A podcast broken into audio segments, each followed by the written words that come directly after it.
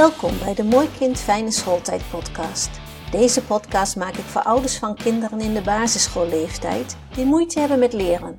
Dit kan ontstaan omdat je kind de taal van school niet begrijpt of school begrijpt de leerwijze van je kind niet goed, maar dit kan ook andere oorzaken hebben.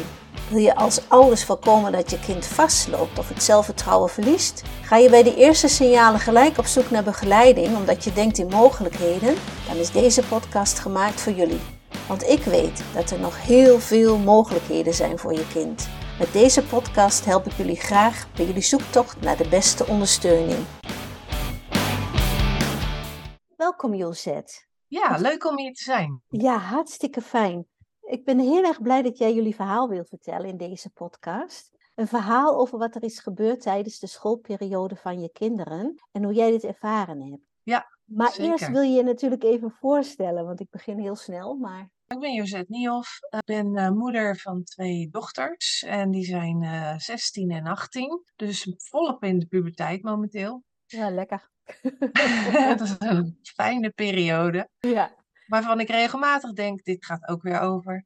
Ja, klopt. Dus Ehm, we zullen straks nog even verder over jou hebben. Ik wil eigenlijk bij het begin beginnen. Toen je kinderen nog zeg maar, thuis waren, dus de tijd voor de basisschoolleeftijd. Kun je daar wat over Mhm. vertellen? Hoe, dat, hoe ze toen zich ontwikkelden, hoe, hoe dat was? nou, eigenlijk zijn ze allebei vanaf baby af aan naar het kinderdagverblijf gegaan. Ja? En de oudste die heeft eh, nou ja, een vrij heftige start gekend. Ehm, spoedkeizersnee bij geboorte, ehm, ook eh, zuurstoftekort. Nou, daar is ze op zich prima van hersteld. En vervolgens is ze in het kinderdagverblijf zich verder gaan ontwikkelen. Wat wij wel merkten was dat zij bijvoorbeeld een lage spierspanning had. Dus ze kon haar hoofd in het begin ook niet goed dragen. Maar daar werd allemaal heel handig mee omgegaan in het kinderdagverblijf. En wat zij heel erg deed, was andere kinderen observeren en ook nadoen. En de jongste, nou ja, die is gewoon eh, op een normale manier, laat ik het zo zeggen, ter wereld gekomen. Ja, er zit Eh, verschil in.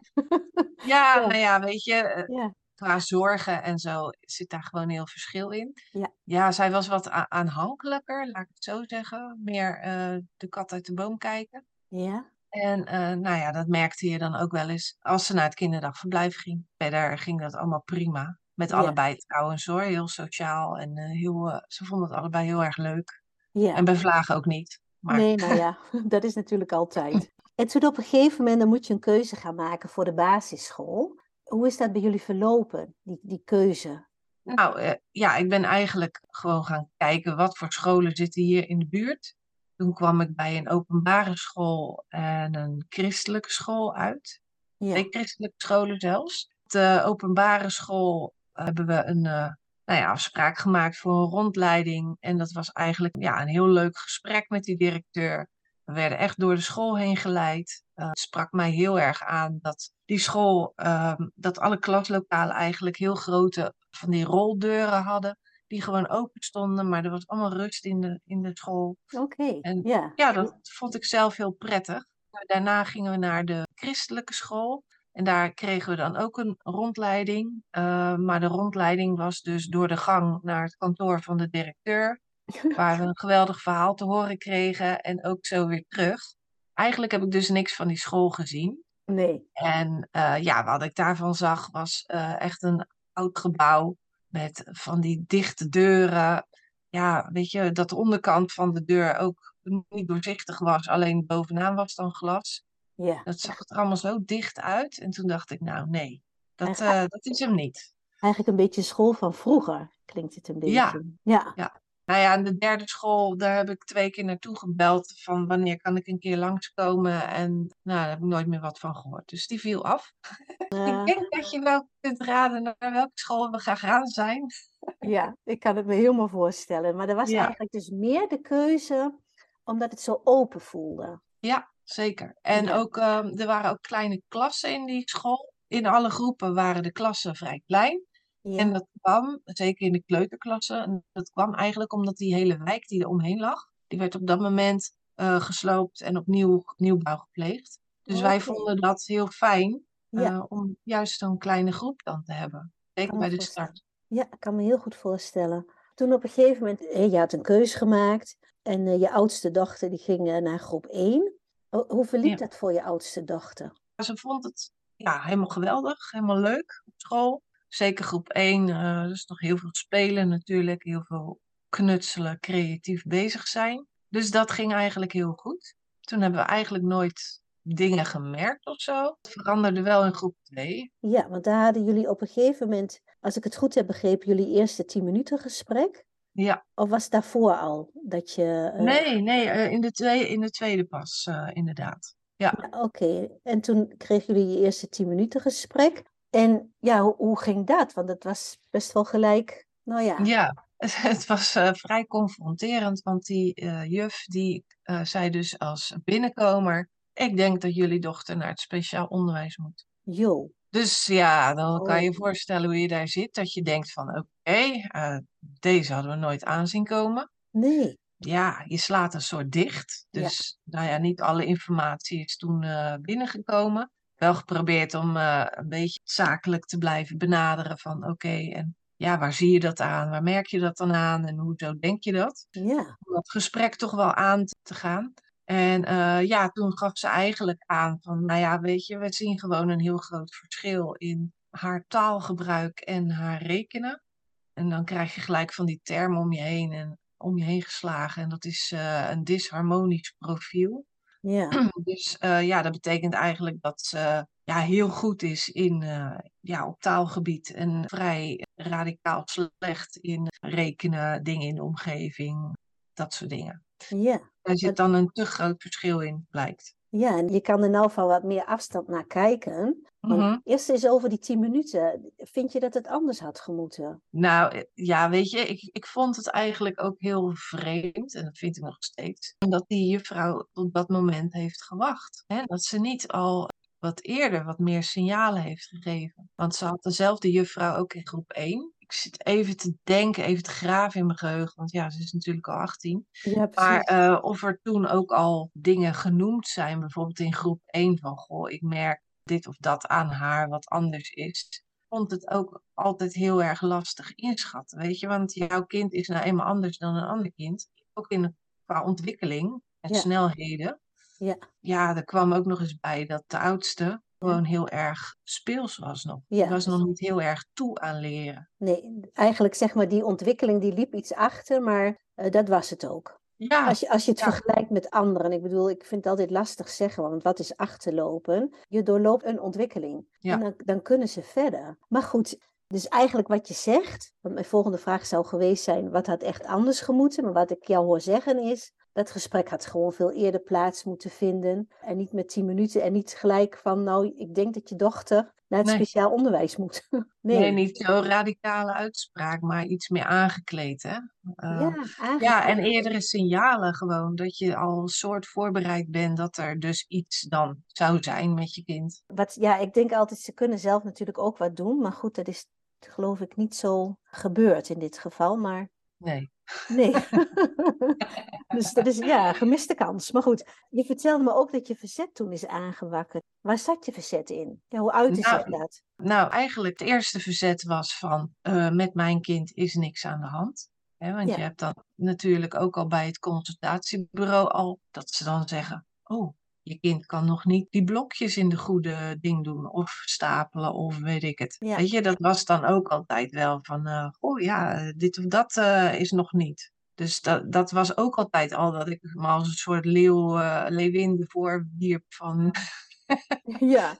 dat maakt helemaal niet uit, weet je wel. Ja. Maar Ja. ja, als je zo'n boodschap krijgt, je kind moet naar het speciaal basisonderwijs. Ten eerste had ik op dat moment echt best wel een vooroordeel dat speciaal basisonderwijs, dat er allemaal kinderen met problemen zaten, dat er ook allemaal kinderen met gedrag eh, dingen zaten, een soort afvoerputje van, eh, nou ja, van waar ik dan woon. Ja. En ik dacht van ja, ze is best wel te beïnvloeden, dus waarom moet ze dan tussen dat soort kinderen geplaatst worden? En ja, dat, dat is gewoon heel lastig geweest, want je moet dan eerst gaan onderzoeken wat is überhaupt het eh, speciaal basisonderwijs. Ja. Vervolgens, wat zou ze daar dan kunnen, beter kunnen leren of anders kunnen leren of zo. Weet je, dan moet je, wil je toch jezelf een beetje informeren op dat vlak. Hè, want dat zei die juffrouw wel van ja, weet je, daar kunnen ze haar gewoon echt veel beter gaan eh, begeleiden in het leren. Ze kunnen Ja. haar beter ondersteunen en dat soort dingen. Maar goed, ja, weet je, het heeft daardoor wel langer op zich laten wachten dat zij is overgeplaatst naar eh, speciaal basisonderwijs. Omdat ik zoiets had van ja, nou ja, Ja. niet, hoeft niet. nee. En nee, snap eh, waarom zou ik dat gaan doen? Dat kwam ook nog eens een keer omdat misschien dat ik nu te ver doorschiet, maar in groep drie kreeg zij dus een rapport eh, met kerst. Dat ik dacht van, oké, maar dit zijn allemaal voldoendes. Ja, Hoezo moet zij dan naar het speciaal basisonderwijs? nou ja, volgens het rapport best wel goed. Volgens het rapport wel. En ik Ja. heb ook toen wel, eh, ben ik wel meer in contact gebleven, ook met de juffen die ze toen had. Ze toen twee juffen. Ja, En toen vroeg ik ook regelmatig, gaat het met haar? ja, Toen zeiden ze, ja, het gaat wel. We helpen haar wel heel erg eh, met leren, dit en dat. ja. Nou, dat is ook eigenlijk een beetje waar ze voor zijn misschien, maar... Ja, inderdaad. Maar goed, je, Ja. je merkte toch wel een beetje dat het heel erg helpen was. Maar dat stond natuurlijk niet in het rapport en daar moest je echt naar vragen. Ja, ik ben dus met dat rapport ben ik dus teruggegaan naar, naar de juf. Van, Ja. goh, dit rapport is eigenlijk best wel een goed rapport. Eh, Ja. Hoe zit dat? Want eh, jullie hebben gezegd, ze moet naar het speciaal basisonderwijs. Inmiddels waren we ook al met allerlei onderzoeken bezig. Is dat dan zo? Ja, Hebben jullie dit rapport op, op haar ehm, inzet geschreven? Of is dit gemeten aan de hand van het gemiddelde kind in Nederland? En toen zei de juf op dat moment van... Nee, dit is eh, gemeten naar het gemiddelde kind in Nederland. Maar goed, als je dan weet op welke plek dit gesprek plaatsvond... Dat was tijdens het ophalen, geloof ik, op het schoolplein ja. alle herrie om je heen en zo. Dus ik vermoed achteraf gezien dat de juf het gewoon toen niet goed heeft gehoord of opgepikt. En dat ze toen ja, algemene reactie heeft gegeven. Ja, en ook een verkeerde reactie, want je kreeg dus weer een rapport en je hield al iedere keer de vinger aan de pols van, goh, gaat het echt? Miste je hier ook nog weer een persoonlijk gesprek? Dus niet tien minuten, maar echt een persoonlijke opvang van eh, Ja. wat, do- wat doen we? Waar zijn we mee bezig? Hoe begeleiden we je oudste dochter? Dat hoor ik je zeggen, want ik miste daar gewoon een stuk. ja, dat kwam dus niet echt uit de verf daar. Eh, dat was heel, heel raar, want ik, ik ging dus echt voor een open gesprek. Helemaal Ja. niet de type vervelende ouder of zo. Nee, Maar gewoon van, goh, hoe gaat het nu in die klas? En Ja. eh, lukt het wel? Kunnen jullie dit, ja, die ondersteuning aan eigenlijk? ja. En, en, En eh, nou ja, na dat tweede, of na dat eerste rapport kwam dus vervolgens een, een tweede rapport. En ik durf even niet meer te zeggen of dat ik met het kerstrapport toen naar de directeur ben gegaan, of dat ik dat heb gedaan na de hand, na dat tweede rapport. Want dat was dus een compleet ander rapport. Met allemaal Oh. onvoldoendes. ach, Ja, ondanks dat dat kind keihard zat te werken. Want ze vertelde ook dat ze helemaal geen tijd meer had om nog te kleuren, te tekenen of creatief bezig Ah. te zijn. Terwijl andere kinderen dat wel deden. Zij was alleen maar bezig met woordjes leren, rekenen en dat soort dingen. Dat ik dacht, wow, dat is wel een heel harde overstap van de kleuterklas naar het leren. ja, En toen bleek dus dat het eerste rapport dus echt wel op haar inzet is geschreven. En het tweede rapport was wel een eh, gemiddeld gewogen rapport. ja. Dus toen in de ene keer, toen kwam er een ander rapport eh, naar voren. Ja, toen kwam er een ander beeld naar voren natuurlijk. Dat je denkt, oké, goed. Dus toen ben ik daarmee eh, in ieder geval bij de directeur geweest. Van, hoe kan dit? Ja, Dit is nummer één en dit is nummer twee. Verklaar dit eens even. ja, Toen zei hij ook van ja, ze hebben uit goe- goede wil hebben ze ja, haar willen belonen voor haar inzet. Door gewoon dan een 7 te geven terwijl dat een 4 moest zijn of zo. ja. Ik, ik vind het dan al lastig, zeg maar, dat je eh, cijfers gaat geven, eh, sowieso. En daarbij vind ik, dat had wel besproken kunnen worden met jullie van tevoren. Zo van, zo Mhm. gaan we het aanpakken, want we willen heel graag dat je oudste dochter de motivatie behoudt. Want ze zet Ja. zich zo vreselijk in. Maar goed, aan de andere kant, als je dan hoort van, nou, ze mag ook niet meer juist die dingen doen die ze ook zo nodig heeft. En ik was nog wel benieuwd, hebben ze nog iets aangeboden aan extra begeleiding? We hebben dat gesprek dus op een gegeven moment ook zijn we aangegaan hè, met de directie en het samenwerkingsverband wat er dan bij komt. Toen hebben we ook gezegd, goh, kan ze niet zo'n rugzakje krijgen? Kan ze niet hier op school eh, extra ondersteuning krijgen? Maar er was allemaal geen mankracht voor. Nee, toen al niet. Nee. En dat kwam natuurlijk omdat zij die kleine klassen hadden. En inmiddels alweer aan het groeien waren. Doordat die wijk weer bebouwd was. Dat daar ook weer kinderen vandaan kwamen. Dus ze hadden gewoon eigenlijk op dat moment helaas de handen vol. En ze konden haar dus niet op maat ondersteunen. En nou ja, we hebben toen echt een heel gesprek gehad van kunnen we iets doen met die extra ondersteuning. Eh, toen waren die rugzakjes nog voorhanden. Ja. Kunnen we dat niet? De directeur die moest overal op zeggen nee, dat gaat niet. Nee, dat gaat niet. Nou ja, goed. Dus wat ook bijzonder was, was dat in groep 2 werd aangeboden van nou, ze moet getest worden. We willen weten wat er nou achter zit, waarom ze zo'n disharmonisch profiel heeft. Ja. En toen hebben ze gezegd van nou, eh, dat kan op ons kosten. Ja. Toen uiteindelijk in groep 3 hebben we dan gezegd, nou oké, weet je, we laten haar testen. Ja. Toen bleek dus dat wij vanuit onze eigen verzekering en alles, dat wij het maar moesten regelen. Dus dat hebben we dan maar gedaan. Maar dat was ook iets vreemds, dat ze zich er zo een soort onderuit wurmde. Nou ja, en toen dus die resultaten uit, uit die onderzoeken kwamen, toen begrepen we wel waarom die oudste ja, de dingen aanpakte zoals ze ze aanpakt. Ja. Want toen bleek dus dat ze toch wel problemen heeft met haar korte termijn geheugen. En dat zorgt ervoor dat ze heel veel meer moeite moet doen om dingen te automatiseren. Dus dingen te leren, dat was lastig in een reguliere school. En is er toen ook wel gezegd van, goh, eh, Josette, ga eens eh, op zoek naar begeleiding buitenschool? Weet je wel? Dus niet alleen die onderzoeken, maar ook Mhm. een, een stukje van waar kun je die informatie krijgen? Een stukje ondersteuning. Nee, nee, maar ja, weet je, dit is natuurlijk ook wel een hele tijd geleden al. Ja, dus klopt. misschien was het toen ook niet zo uitgebreid, die ondersteuning. Ze hebben toen goed in gesprek ons, de, de directeur, het samenwerkingsverband en intern begeleider, Ja, die hebben toen wel ja, in een aantal gesprekken ons wel dingen uitgelegd en vragen beantwoord. En ja, ook gezegd van joh, ga gewoon eens kijken alvast op zo'n school. ja. Had je gelijk de goede school te pakken, zeg maar? Ja, want we zijn bij de openbare eh, speciaal onderwijsschool terechtgekomen. Ja, Toen wij daar eh, binnenstapten, toen had ik zoiets van, wat een rust, nou ja. wat een Ja. fijne school, wat een warme deken. Weet je, dus toen was het eigenlijk ook gelijk goed. Ja, oké. En ook zeg maar een beetje je idee wat je ervan had met de andere kinderen die er zouden zitten, dat was ook gelijk oké, zeg maar. Je had zoiets van ja, maar hier zit ze op haar plek. Ja, nou ja, weet je, ik, ik zag gewoon eh, klaslokalen waar orde was, waar kleine klaslokalen, ook van die soort aparte ruimtes waar nog extra uitleg eh, gegeven kon worden. Ja, gewoon een, een, een eh, goede school. En ik heb toen in dat gesprek met die directeur daar, heb ik natuurlijk ook wel gevraagd van hoe zit het met eh, ja, Ja, gedrag en vechtpartijtjes en ja. gewoon mijn vragen gesteld eigenlijk. Maar gerustgesteld eigenlijk in dat Ja. gesprek. En toen is je, je oudste dochter ook gaan proefdraaien op die nieuwe school, of hoe, hoe ging dat proces? Nadat wij zijn wezen kijken, toen heeft het nog wel even een tijdje geduurd. Want ik heb haar pas toen ze zelf aangaf van mam, ik eh, moet zo hard werken en eh, het lukt me niet. Ja, Eh, toen heb ik gezegd van oké, weet je, dan is het nu tijd dat je over gaat stappen.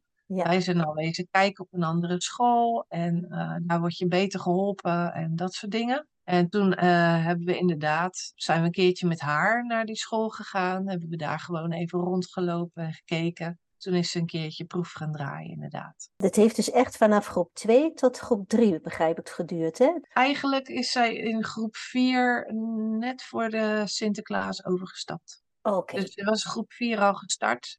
Ja, En toen gaf de juf daar ook aan van ja, ze hangt zo erg aan me. En, nou, eh, wat nog wel heel mooi was in dit verhaal, is dat ik van de directeur van de basisschool waar ze zat, ja, dat hij op een gegeven moment zei van nou weet je, ik vind het prima dat jij een soort tegenhoudt. Maar wanneer ik merk aan haar dat, ja, dat haar welbevinden in de knel komt, dan krijg je geen tijd meer van me. Dan gaat ze gewoon echt overstappen. Dat vond ik op zich wel mo- mooi dat hij er op die manier in stond. Dus hij wilde mij tegemoet komen om mij nog wat tijd te geven. En aan de andere kant had hij zoiets, ja, tot daar. En dan moet het gewoon gaan gebeuren. ja, want het is gewoon echt veel beter voor haar. Nou ja, eigenlijk is het toen heel snel gegaan daarna. Want ze heeft dus hè, een dagje meegelopen. En toen hadden we al besloten van, nou oké, ze gaat overstappen, hè, ze gaat dan wennen. toen hebben we ook gekeken van wanneer is nu het beste tijdstip. Want het was omstreeks deze periode, eigenlijk iets eerder. Dus we hebben toen gezegd van nou weet je, dan gaat ze gewoon net na de uh, herfstvakantie is ze toen overgestapt. Want ja, dan kon ze nog afscheid nemen op de oude school. En ze was op tijd voor Sinterklaas en kerst op de nieuwe school. Dus maakten ze daar de leuke dingen weer mee. Eigenlijk was het heel fijn, omdat zij al uh, die test allemaal had gehad. Hè? En dus alles was al helemaal rond. Het samenwerkingsverband was ook al helemaal akkoord. Want het was eigenlijk in de derde was het allemaal helemaal akkoord. Ja. Ik heb dat dus nog gewoon een tijdje tegengehouden. Uiteindelijk is het voor haar heel goed geweest. Want na een tijdje is ze weer enorm gaan groeien in het leren. Dus dat is echt heel goed geweest. Ja, dus ja. eigenlijk een hele goede set geweest. En ik begrijp ook dat eigenlijk, doordat er van alles al bekend was, dat de mhm. volgende school daar eigenlijk gelijk mee aan, het, ja. ja aan de slag kon. Ja, ja en uh, de overdracht was ook heel snel, omdat uh, het binnen dezelfde stichting was. Dus ze kenden elkaar ook, die directeuren. Dus dat was allemaal snel geregeld. We komen zo nog even op je oudste dochter terug. Maar ik wil nou even naar je, jullie jongste dochter. Het, uh, ja, daar liep het rekenen niet zo mee. Ik denk naar dezelfde school waar jullie oudste ook eerst begonnen is, of niet? Ja, ja, ja. daar zat zij ook, inderdaad. Nou ja, op klas merkte ik dat het rekenen niet zo lekker ging volgens mij toen ze uh, de tafels moest gaan leren. Uh, dus dat was in de vijfde, denk ik, groep vijf. Toen merkte ik dat ze, ja, zij kon nog maar twee tafels. En andere kinderen hadden dan al meer van die stickers in die tafelrijtjes, weet je wel. Ja. dus toen vroeg ik ook aan de, aan de juf van, goh, uh, ja, hoe, hoe zit dat? Hoe wordt het opgepakt of begeleid? Nou, wat ik zelf heel erg verbazingwekkend vond, was dat ze daar eigenlijk niet meer het oude stampen deden. Wat, wat ik zelf vroeger op de lagere school heb gehad. Eén keer één is de één en twee keer twee is de vier. Een soort liedje eraan, hè? Ja. ja, die oude manier van rekenen zat nog heel erg in mijn hoofd, merkte ik ook. Ja. dus dat, ja, dat was soms ook wel eens lastig. Maar in ieder geval, in groep 5 kwam je dus ja, de achter vierde tafels dit loopt niet zo, zo lekker in ieder geval. Ja. Heeft de school kunnen uitleggen waar de problematiek zat? Of zagen die het zelf niet zo? Of ja, hoe stond de school erin? Nou ja, kijk, even denken hoor. Want wat er dus vervolgens gebeurde, dat was eigenlijk net heel jammer. Uh, in groep 6 ging de leerkracht die daar les gaf, dat was een hele goede juf, die ging met de voorjaarsvakantie, geloof ik, ging die weg. En uh, dus dat was eigenlijk midden in het jaar. En toen kwam er een invaller en die invaller die is helemaal overhoop gelopen. Toen zat de jongste, die zat toen ook in een uh, combinatiegroep 6-7.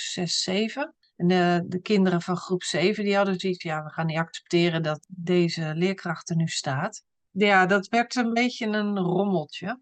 Oh, ja, dus dat heeft ervoor gezorgd dat ja, sommige dingen niet, niet overgebracht zijn of niet voldoende geoefend zijn. Of dus dat hielp niet echt mee. Toen zij in groep 7 kwam, ben ik ook begonnen met bijles rekenen. Dus ja. toen kwam iedere week kwam er iemand hier uh, haar uitleg geven. Ja, daar ging ze zich enorm tegen verzetten op een gegeven oh. moment. Ze heeft echt heel erg lelijk gedaan tegen die, uh, die dame. Uh, in groep 8 heb ik toen uh, mijn schoonzus, die ook leerkracht is, die wilde haar wel helpen met rekenen. Ja. En uh, ik vroeg haar ook van, joh, kan jij dan kijken of dat je erachter kan komen waar ze nou precies moeite mee heeft? Ja. Ja, weet je, je gaat als ouder dan een beetje vinger aan de pols houden en wat meer gesprekken aanvragen met, met de juf. Dus eigenlijk wat, wat er gebeurde is dat ze ook in groep 7 en 8 heeft ze een uh, juf gehad waar ze geen klik mee had. En ik dus ook niet. Nee. Helemaal niet. Nee. Uh, die juf die had ze ook in groep 4 trouwens. Dus die heeft ze drie jaar gehad op de lagere school. Dat was ook heel dat nog? Ja, precies. Ja, dat helpt soms niet echt mee hè, dan. Nee, nee. En als je dan geen klik hebt of je durft iets niet te vragen. Nou ja, het is gewoon niet fijn. Nee. Uh, dus in groep 8 ben ik zelfs iedere twee weken ben ik gaan kijken naar ja, het rekenwerk wat ze had gemaakt, of toetsen die ze had gemaakt en waar het hem dan in zat. Ja. Nou, we zijn er nooit achter gekomen. Oh. Heel bijzonder. Ja, inderdaad. Nou ja, soms moet, moet, je, moet je helemaal terug naar uh, het begin. Dat wordt vaak vergeten, hè? want je komt erachter dat de tafels niet lekker lopen. Dan denkt men, nou, dan zet ik maar in op de tafels. Vaak moet je toch wel een stuk verder terug om erachter te komen, hey, daar zit het hem. En daar gaan we, daar gaan we vanaf, daar starten we. we gaan even terug naar de basis, het begin. Maar goed, mm. uiteindelijk is dat niet gelukt. Maar ze gaat daarna naar het VMBO. Ja, ja, en toen dacht ik, yes, ze hebben een Uh, rekenorthopedagoog. Ja, wat woord.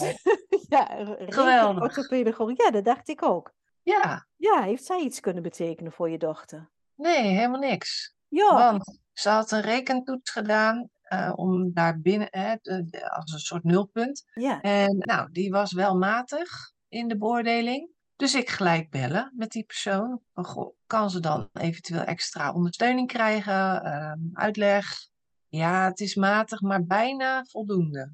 Dus ze Ja. zat net weer te hoog. Dus nee, ze heeft daar geen begeleiding in gekregen. Ik heb daar, eh, ze heeft er vier jaar gezeten. Ik heb vier jaar heb ik op wiskunde en rekenen heb ik iedere keer gereageerd. Van goh, ik vind dat er extra ondersteuning moet komen. En eh, dat gebeurde niet. Raar, hè? En dan sta je echt heel machteloos aan de kant. Ja. En het heel vervelende is dat ze met haar advies is het toen ook heel raar gelopen. Want ze kreeg van de lagere school eh, in groep 7 had ze dan een entree-toets. En toen had die juffrouw waarmee zij dus niet zo goed klikte, die had gezegd: Ja, je moet heel goed slapen, heel goed eten.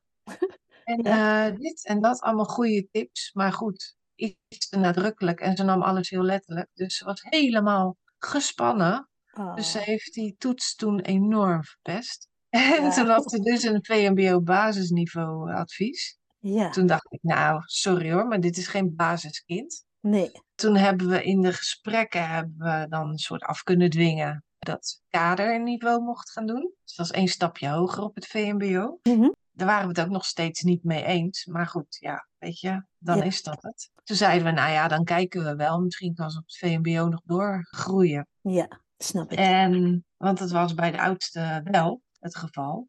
Maar bij de jongste eh, bleek dat uiteindelijk niet te kunnen. Oh, Want haar eindtoets die ze heeft gemaakt, daar scoorde ze eh, best wel hoog op. Want toen was ze dus aangemeld op de school waar ze graag naartoe wilde. En helemaal ingeschreven en zo. Dus zij was een soort gerust van, nou oké, prima, ik kom toch op een leuke school terecht. Met planten en dieren en eh, nou ja, dat. Dus die heeft toen een score behaald dat ze theoretische leerweg, dus dat is het hoogste niveau van het VMBO, Ja. slash HAVO-niveau zou kunnen. ja. En, maar dat ging niet door. Dat ging niet door, want eh, nog steeds rekenen. Dus Dus- ja, en toen op een gegeven moment, eh, de eerste twee klassen, heeft ze dan in een combinatiegroep gezeten op het VMBO. Dus dat waren kinderen van kaderniveau met kinderen van theoretische leerweg.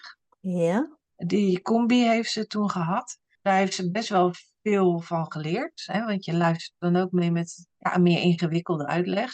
Een Ja. Iets zwaarder uitleg, zal ik maar zeggen. Dus wij dachten, nou, misschien kan ze dan eh, eindgroep 2, eh, tweede klas is het dan weer daar. Ja. eh, kan ze dan overstappen naar theoretische leerweg. ja. Maar ondanks dat, dat VMBO ervoor stond dat ze liever geen cijfers wilde geven, had ze wel voor bepaalde vakken best wel hoge cijfers nodig. Ja. Nou, die haalde ze niet natuurlijk. Nee, oh. Dus toen eh, heeft ze het VMBO kaderniveau afgemaakt. Ja. En met wiskunde bijvoorbeeld ook meegemaakt dat ze in één eh, jaar zeven docenten heeft gezien. Oh. Ook niet echt bevorderlijk natuurlijk, hè, voor de hele ja, rekenontwikkeling. Nee. Dat werkt echt niet. De kinderen eh, beginnen dan ook in de puberteit te komen, dus die beginnen ook mensen een beetje voor de gek te houden. Ja. Zeker van die eh, invallers of zo. Ja. Dus ja, en de ene die kan het beter uitleggen dan de ander. Hè, of die uitleg die sluit beter aan op wat ze nodig hebben. Ja, maar je zat er natuurlijk al mee van de basis, die zat er niet echt lekker in. Dan achtervolgt je dat gewoon. Ja, zelfs nu op het MBO. Zij wilde eigenlijk op eh, niveau 4 instromen, maar ook weer door rekenen kan dat niet. Ja, ze zit nu op niveau 3. Nou, ook prima naar de zin gelukkig. Maar het is toch wel vervelend en zuur dat dat dan weer zo achter je aan blijft komen. Ja, want eh, jouw jongste dochter leert nou voor interieurstylist. En heeft ze daar nog met rekenen te maken? Of... Ja, ja. Oké, nog Ja. Oké, Ja, oké. ja, want ze moet inderdaad ook gewoon eh, nu eh, toch ook weer met rekenen. Ja, ze moet oppervlaktes kun- kunnen uitrekenen. Ze leert nu voor retail specialist en ze wilde eigenlijk interieur stylist. Dat is dan dat niveau 4. Ja, En oh, eh, niveau 3 is dus verkoop, interieur verkopen. En daar moet je natuurlijk ook, als jij bijvoorbeeld iets voor op de vloer wil kopen, wil je wel horen van iemand dat die het goed uit kan rekenen. ja. Dus ja, daar is ze inderdaad weer mee aan het oefenen nu. eh. En nou lukt het omdat ja, haar keuze erachter zit. Of is het nog steeds toch iets met hulp? Nou, het, gaat wel beter, want ze had op het VMBO heeft ze regelmatig gezegd, ja, ik kan niet rekenen. Dan Ja. vroegen wij even zo eh, hoofdrekenend aan tafel van eh, hoeveel keer zoveel zoveel. Dan was het, ja, ik kan niet rekenen. Nou, oké, dus wij hadden zoiets, nou, dat is niet zo. Nee. Maar die overtuiging had ze zichzelf aangepraat. Ja, nu eh, is ze dus weer met die basis weer bezig. Ja. Hè, met die procenten en met oppervlaktes, et cetera. Dus ja, dat, dat eh, gaat nu langzamerhand beter. Dus ik hoop dat het er nu echt goed inge, ja, ingebed wordt eigenlijk. Dat ze Ja. daar gewoon merkt van, oh ja, ik kan toch wel rekenen. Precies, het vertrouwen moet terugkomen. Ja, ja, Ja, want dat ja. is wel jammer, hè? Ja, dat echt is echt. Ja, want je, dat heb je gewoon zelf wel nodig. Dat je ja, vertrouwen blijft houden in jezelf. Van ja, ik kan dat wel. Maar ja, natuurlijk, als je afgerekend wordt, je kan dat niet. Waar moet je dan op een gegeven moment zelf nog in geloven? Dus Ja. ik, had nog de vraag, als ze nou heel goed had kunnen rekenen, hè? Denk je dat ze Mhm. een andere schoolkeuze had gemaakt? Of een andere eh, opleiding? Nou, ze is wel heel praktisch aangelegd. Maar dan had ze misschien VMBO, theoretische leerweg kunnen doen. Ja, Weet je, zij wilde gewoon heel graag iets met planten en met dieren gaan doen. Vond ze gewoon echt het leukste, want we zijn toen ook op zo'n soort beurs. En eh, ik merkte gewoon echt dat ze helemaal niks had met de MAVO nee. of met een HAVO-instantie. Dat ik echt dacht van, hé, ja, wat ga ik daar doen dan? Ja. Dus, dus ik denk dat ze die keuze, dat die gewoon heel goed was voor die VMBO. Het enige wat ik zelf jammer van, vond, was dat, dat die mensen het allemaal zo hebben afgehouden. Ik ik. wilde heel graag in gesprek over dat rekenen. Ik ben heel drie keer op gesprek geweest over wiskunde. Ieder jaar heb ik weer wiskunde en rekenen onder de aandacht gebracht. Dan voel je je zo machteloos als ouder dat je denkt, doe er wat aan. Ja, Ga er eens achteraan. Wat is, wat is er nou misgegaan en waarom is Ja, dit zo? Ja, waarom wordt het niet opgepakt? Hè? Eigenlijk jouw Ja. roep om begeleiding voor je dochter. Er kan soms wat aan de hand zijn en je voelt gewoon van hier kan wat aan gedaan worden. Ja. En dan wordt het niet opgepakt. Je mogelijkheden thuis houden op een gegeven moment ook op. Ja. En ik denk dat jij ziet aan je dochter van ja, haar zelfvertrouwen, die, ja, die zakt gewoon helemaal weg. Ja, en dan geef je bijvoorbeeld een mentor dat voorbeeld van ja, ze zegt gewoon dat ze niet kan rekenen. Ja, daar wordt dan ook niks mee gedaan, weet je wel. Dan denk ik, dat is een signaal toch? Dat een Ja. kind dan niet meer lekker in zijn vel zit en dat hij daar eigenlijk Ja. wat mee wil.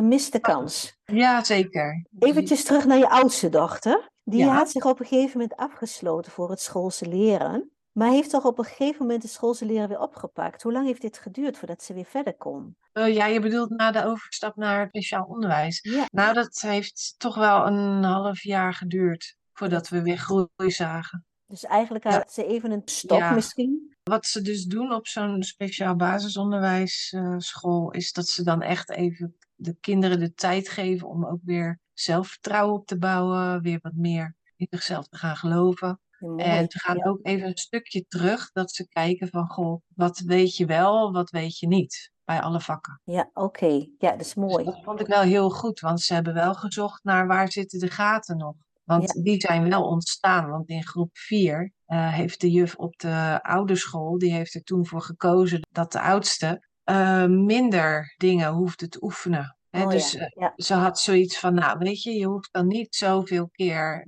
zo'n sommetje te maken. Als jij hem drie keer maakt, is het voldoende. En anderen moesten hem vijf keer maken. Ja. Maar daardoor ontstaan er wel gaten in die basis.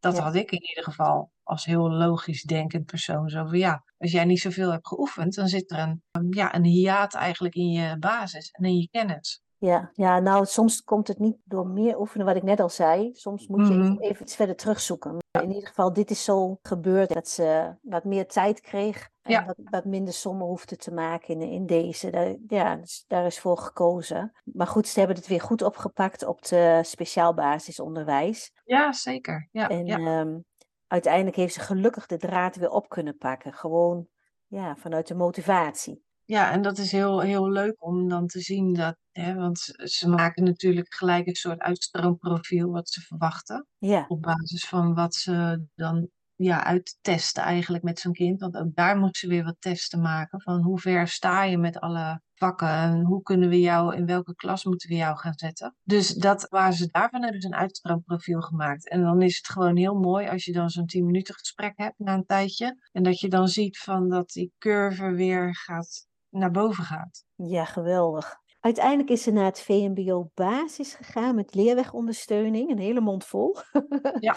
maar dit heeft ze een jaar gedaan en toen is zij doorgestroomd naar VMBO kader. Ja, en daar had ze dan ook nog leerwegondersteuning. Nou, dat was eigenlijk wel heel erg uh, mooi, want ze stroomde dus door naar het VMBO basis. Nou, en uh, er werd toen gevraagd door de school van willen jullie leerwegondersteuning geven aan haar? Toen hadden wij zoiets als ouder van nou ja, vinden we niet zo nodig, want ja, er worden dingen van je verwacht. Dus waarom zou je zo'n warm bad uh, blijven geven? Maar toen adviseerden ze wel van nou, ik zou het wel doen, want ze wordt dan gewoon geholpen en ze zit in één klas. Alle stof wordt dan door de docent gegeven. Ja, langzamerhand gaan ze de overstap maken naar het normale VMBO-leven. Dat je dus van klas naar klas gaat en verschillende docenten hebt. Dus uh, nou, de, ze heeft dus die VMBO-basis, heeft het eerste jaar gedaan. Toen zagen ze van, nou, het gaat eigenlijk heel goed. Ze had heel ja. goede cijfers. Toen hebben ze gezegd, jongens, ze kan doorstromen naar VMBO-kader. En toen kreeg ze ook nog steeds die les in één lokaal met één docent. En na de kerst zijn ze toen andere docenten gaan laten komen in de klas. die gaven de lessen in die klas. Uh, eigenlijk een soort overstap naar het reguliere normale schoolleven. En op een gegeven moment, einde van die, dat jaar, moesten ze dan wel gewoon zelf naar de klaslokalen toe. Dat was echt een soort over, ja, overgangsperiode. Dat, uh, ja, dat was heel fijn. Ja, ik wou net zeggen, want ik geloof dat ze daardoor haar uh, faalangst een stukje is kwijtgeraakt. Want daar had ze wel wat last Ja. van, geloof ik, hè? of niet? Ja, behoorlijk. Wat, wat zij eigenlijk altijd heel erg doet, omdat ze dus niet heel erg op haar eigen geheugen vertrouwt, is maar blijven stampen.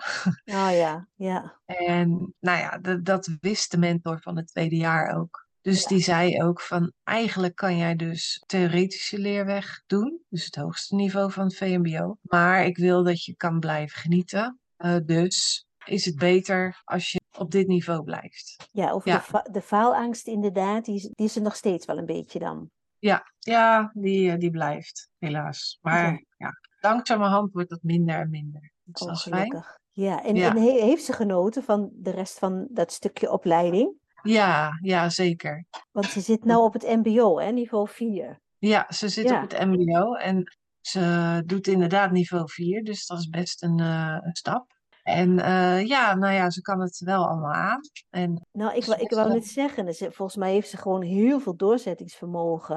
En, en Ja. ik vind het ook super knap dat ze het allemaal toch maar mooi doet. ja, Zijn er ook momenten dat je merkt dat iets van haar beginperiode weer opspeelt? Dat je denkt, oh ja, nou zie ik weer ja, een stukje terugkomen zeg maar, van de faalangst. zij heeft eh, heel erg, als ze het overzicht kwijtraakt, dat ze in de paniekstand schiet. Ja, wie niet? Ik, ik merk wel eh, soms dat ze dan denkt van ja, ik kan dit niet in mijn hoofd krijgen. Of het lukt niet meer in deze periode. Ja. En dat is dan weer van, hè, ik moet het meer herhalen. En dan, nou ja, daar heb ik de tijd niet meer voor. Weet je, eh, hallo, ze zit niveau 4, dus eh, dat is best wel eh, goed. Nou, echt wel. Ik vind het echt super knap. Zijn Ja. er ook dingen waarvan je zegt, nou, die had ik nu toch wel anders aangepakt? Met alles wat je nu weet. Hè? Dat is natuurlijk altijd makkelijk praten, maar ehm, Ja, ik denk in, in het begin dat ik haar dan in de eh, groep 3 haar dan toch eerder ook wat laten stappen. Omdat ze dan eerder eh, hè, aan die ontwikkeling had kunnen beginnen en misschien minder faalangst op had kunnen pakken. dat is voor je oudste dochter, hè? Van, Ja, ehm, voor de oudste, ja. Ja, ja, ja. Want dat zou ook je advies zijn naar, naar andere ouders toe? Of heb je nog een ander advies voor ouders? Ik denk altijd van mensen die in het onderwijs werken, die hebben ja, gewoon een, naar jouw kind toe weer een soort algemeen eh, blik, frisse blik. Ja, En die zien ook heel veel andere kinderen en hoe die zich ontwikkelen. Dus als zij zeggen van, ja, ik merk dit of dat aan je kind, probeer dat niet persoonlijk te nemen. eh, maar probeer je open te stellen van, oké, is dat zo? Laten we het eens onderzoeken of er echt wat is. ook nog iets voor de leerkrachten misschien? Of de scholen op zich? Want de gesprekken zijn natuurlijk niet zo eh, openhartig geweest, denk ik. Of zo transparant, hoe zullen we het noemen? Ja, niet zo transparant, denk ik. Ik denk dat in, in het geval van mijn oudste dochter, dat ze het te lang voor zichzelf hebben gehouden, wat ze zagen. En dat ze niet duidelijk genoeg hebben benadrukt bij ons wat ze merkten. En Ja. dat het echt anders was. Waardoor je dan wat beter doordringt bij ouders. Ja, Ze zijn iets te voorzichtig geweest misschien in hun, eh, ja, in hun adviezen of in hun gesprekken. En dat was jammer, want daardoor ja, is het zo gelopen zoals het gelopen is. Ja, precies. En je, voor je jongste dochter heb je misschien ook nog wel adviezen van Ja, Ga- misschien wel, ja, ga eerder op zoek misschien naar waar zit hem dat nou? Dat het rekenen niet lukt en wacht daar niet zo lang mee. ja, ja en eh, accepteer ook niet als iemand, hè, wa- want nu zeg jij dus van, ja, het zit dus al voor die tafels. Hè, Ja. eh, in groep drie is misschien die, die, die basis al niet helemaal goed geweest. En dan denk ik, ja, hè, als ik dat had geweten, dan had ik kunnen zeggen van nee, laten we nou eens verder terugkijken. Ja, precies. Dat is een goed advies voor, eh, voor ouders. Nou, dat waren heel wat hobbels die jullie hebben moeten nemen eigenlijk. Vanaf het begin, in het basisonderwijs. Zitten er misschien ook positieve kanten aan? Aan, aan dit soort eh, hobbels? Of heeft het zich heel positief eh, ontwikkeld, toch? Nou ja, uiteindelijk natuurlijk wel, hè? want de oudste die heeft uiteindelijk de hulp gehad die ze nodig had, zeker op de basisschool. Ja, En eh, het vervolg op het VMBO was natuurlijk ook prima. ja. Dat heeft gewoon heel veel positieve dingen opgeleverd. Dus eigenlijk zeg je bij de oudste heeft het iets meer ja, positieve kanten opgeleverd als bij de jongste. De jongste die, ja, die worstelt nog steeds met het rekenen eigenlijk. Ja, en, en ook de oudste heeft meer aanleg voor taal dan voor rekenen, maar dat komt er bij mij vandaan, denk ik. Ja, ja dat denk ik ook, ja.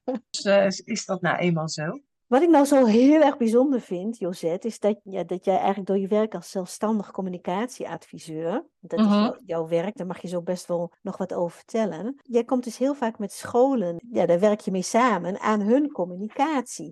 Ja, En- klopt. Is dit nou ja, ontstaan omdat het eigenlijk je eigen ervaring ja, anders is verlopen? Kun je daar iets over vertellen, hoe dat, hoe, dat zit? Het komt wel eh, vanuit mijn missie die ik eh, heb als bedrijf. In mijn bedrijf is dus eigenlijk dat ik eh, ervoor wil zorgen dat scholen, doordat ze heel duidelijk en transparant zijn en heel goed kunnen laten zien waar ze sterk in zijn, dat ze daardoor ouders aantrekken die denken: hé, hey, mijn kind kan er heel goed van profiteren. Ik zorg daar dus voor. Dat komt dus eigenlijk voort uit het verhaal dat ik zeg van het is heel mooi als je ziet dat je kind zich weer gaat ontwikkelen. Nou ja, dat wil ik dus bewerkstelligen ook voor andere kinderen. Dat ze gewoon op de, de plek komen waar ze zo goed mogelijk zich kunnen ontplooien. Ja, dus eigenlijk lever jij een stukje bijdrage aan de profilering van de school, eigenlijk waar ze goed in zijn, waar ze een Ja. stukje in uitblinken. Maar Ja. kan het soms ook zo zijn dat ze, doordat ze het gesprek hebben met jou en doordat je voor hun werkt en doordat je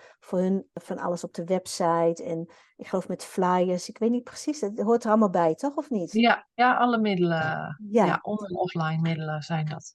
Is het ook zo dat je dan op een gegeven moment ook erachter komt, of een school erachter komt, hé, hey, hier moeten we eigenlijk toch wel meer aandacht aan besteden? Juist door jouw bijdragen? Of... Ja, dat is inderdaad eh, het geval. Ik kom natuurlijk bij scholen als ze merken van hé, hey, die, die werving of die instroom van nieuwe leerlingen loopt terug. Ja, Nou, dan hebben ze dus al eh, een tijdje weinig gedaan aan die communicatie naar buiten. En soms zijn ze ook gewoon te bescheiden in hun verhaal. Hè, dat ze te veel hetzelfde vertellen als andere scholen. Maar ik zorg er dus voor dat scholen ja, juist de dingen waar zij sterk in zijn, dat ik die uitvergroot en tussen de andere scholen door positioneer, neerzet. Dus waardoor dat beter op gaat vallen. Ja, dat is gewoon echt de bijdrage die ik dan wil leveren. En dat ouders dan toch op de goede school terechtkomen. En of dat nou helemaal te herleiden is naar wat ik dan zelf met die scholen heb meegemaakt. Ja, dat durf ik niet te zeggen. Nee, ik zat er zo te, te bekijken en ik denk, nou, daar kan ik me best iets bij voorstellen. Dat je daar een soort ja, missie van eh, gevoeld hebt van, hé, hey, dat ga ik doen. Dit, dit moet beter Ja. kunnen.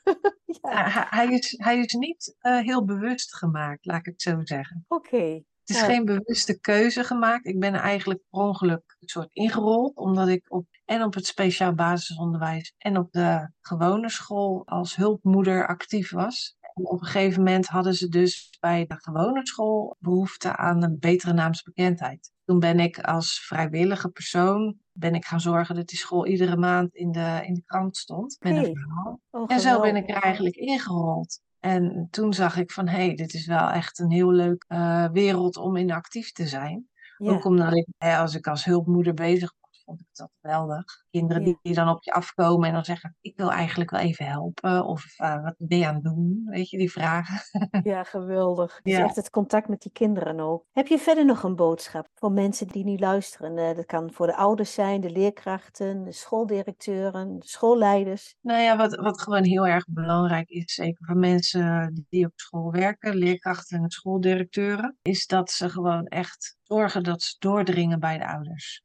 Dat hun boodschap toch overkomt. Want het is natuurlijk niet altijd makkelijk, want ik hoor ook andere verhalen van ouders die gewoon niet accepteren dat hun kind dan eventueel iets heeft. Ja. En dat is ook ge geen leuke boodschap om te horen, maar aan de andere kant, je kan zo'n kind wel heel goed helpen uh, als je eerder doordringt bij de ouders. Ja, dus er zou een soort, nou ja, eigenlijk slecht nieuwsgesprek, ja. techniek misschien bij te pas kunnen komen. Um, hè, ja, dat, dat, ja. En dat leerkrachten ook begrijpen dat er natuurlijk heel veel emotie bij zit. Ja, en dat, dat, ze, zich, dat ze ook al eerder signalen geven dan voor echt zo'n slecht nieuwsgesprek. en voor, ja, voor ouders heb ik zoiets van, ja, nogmaals, stel je open als je zo'n uh, ja, als je een reactie krijgt van een school waarvan je denkt, wow, uh, dit had ik niet verwacht.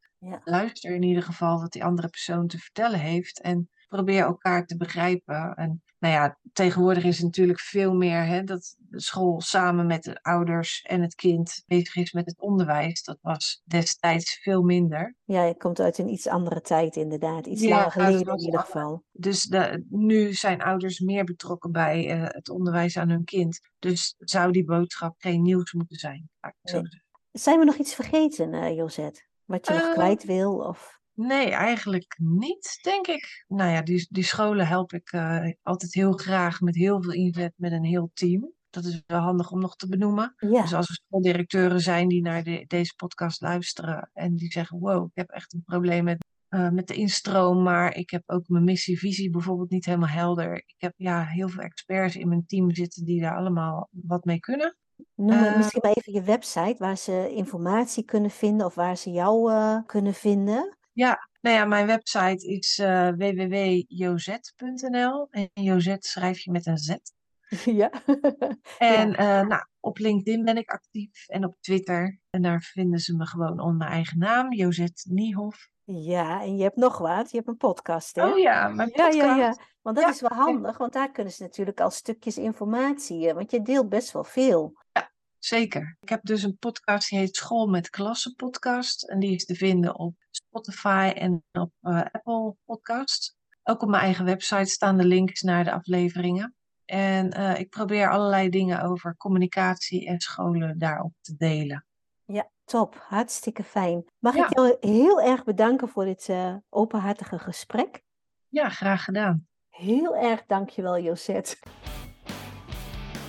Bedankt voor het luisteren naar deze podcast. Wil je meer Mooi Kind Fijne Schooltijd podcast beluisteren? Abonneer je dan op deze podcast. Luister je via Spotify? Klik dan op volgen en op het belletje. Dan krijg je een bericht als de volgende podcast er is. Vertel ook anderen over deze podcast.